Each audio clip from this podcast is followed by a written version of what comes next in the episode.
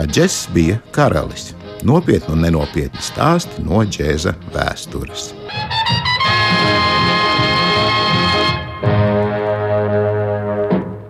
Dig, man, there goes Mac the knife.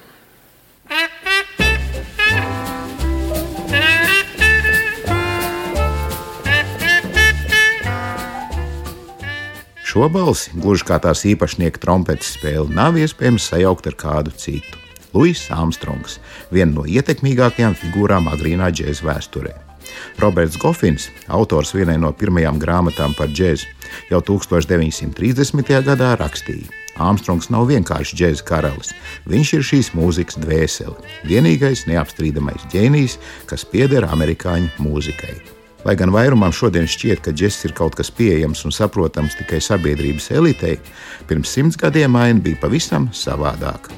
20. gadsimta 20. gados šīs mūzikas žanrs, kas bija radies no rektējiem, Eiropas kameras mūzikas, pūtēju orķestra maršu un blūza kokteļu, burtiski uzsprāga uz Amerikas mūzikas skatuves un kļuva par veselu laikmetu populārāko mūzikas veidu. Un tieši šī laikā slavu kaldināja Luis Armstrongs. Lai arī Armstrongs uz skatuves pavadīja vairāk par 50 gadiem, tiek uzskatīts, ka visus nozīmīgākos ierakstus viņš ar savu ansamblu Hot Five veids 20. gadu otrajā pusē. Armstronga ieguldījums ir tas, ka viņš norādīja, kāds ceļš ejams džēza mūziķiem. Līdz tam valdošās kolektīvās improvizācijas vietā viņš priekšplānā izvirzīja atsevišķu solistu priekšnesumu. Savu dzimšanas dienu meistars pats nezināja, un ētības labad minēja 1900. gada 4. jūliju, ASV neatkarības dienu. Tikai vēlākajos gados biogrāfi noskaidroja īsto datumu - 1901. gada 4. augusts. Bet svarīgi bija tas, ka viņš piedzima Ņūorleānā, pilsētā, ko pieņemts dēvēt par džēzi šūpuli. Bērnību Luisam aizritēja pilsētas nabadzīgākajā rajonā. Tēvzēns neatcerējās vispār, ar audzināšanu nodarbojās galvenokārt vecmāmiņa, bet praktiski mazais Luis uzauga uz ielas.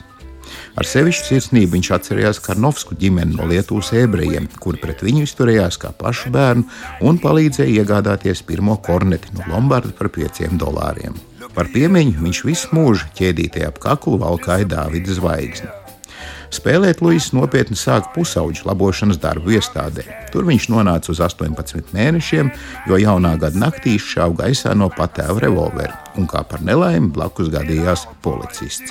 Ticis brīvībā, kopš 16 gadu vecuma Armstrongs iztiku sev nodrošināja tikai ar mūziku.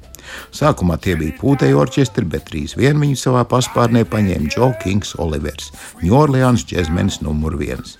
Viņš uzaicināja Luisu ieņemt otrā kornetista vietu savā orķestrī, un šeit arī Armstrongs pirmo reizi mūžā iemēģināja sev jaunu instrumentu - trompeti. 1924. gadā Luis Armstrongs jau ir Ņujorkā pie Flečera Hendersona. Tas tobrīd skaitās spožākais džēza kolektīvs visā valstī. Bet, ak, šīs sievietes! Armstronga sieva Lila Hārdina, starp citu, to brīdi jau otrā sieva mūziķa mūžā, pavisam bija četras kur arī pati bija lieliski džēzus pianisti. Uzstāja, ka Armstrongam jādibina pašam savs ansamblis, lai būtu vairāk slavas un, attiecīgi, arī naudas. Armstrongs pretī nerunāja, un turpmāk viņam vienmēr bija pašam savs kolektīvs, kas gan netraucēja uzspēlēt kopā ar visdažādākajiem džēza mūziķiem. 1963. gada beigās Luis Armstrongs kopā ar savu ansambli All Stars ierakstīja tituldziesmu jaunajam Broadway mūziklam Hello Dolly. Mūziķis pats no tās neko daudz necerēja, bet, kad nākamajā gadā mūzikls tika uzvests uz skatuves, izrādījās, ka ir tapis pirmā numura grāvējs, kam pat izdevās uz laiku pabīdīt no aptauju sarakstu pirmās vietas Beatles, kur tolaik atradās popularitātes kalngalā. Armstrongam toreiz bija 62 gadi, un viņš uz to brīdi kļuva par vecāko mūziķu Amerikas vēsturē ar dziesmu numuru viens.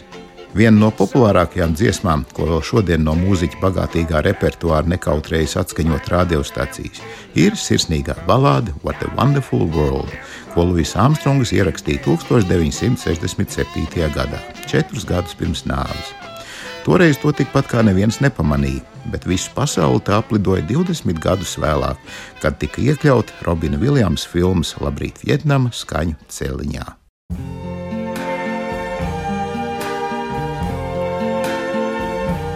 I see trees of green, red roses too. I see them bloom for me and you, I think to myself, what a wonderful world.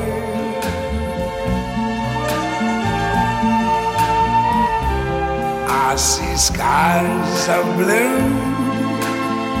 and clouds of white, the bright, blessed day, the dark, sacred night. And I think to myself,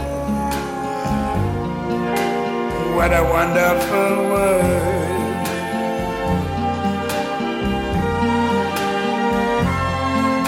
The colors of the rainbow so pretty in the sky are also on the faces of people going by. I see friends shaking hands,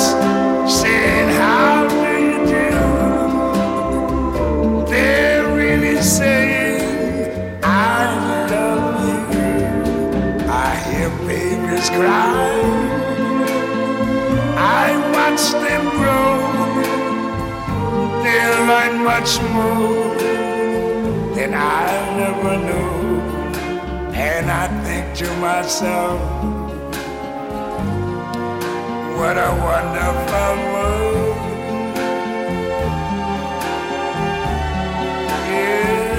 Yes, I think to myself,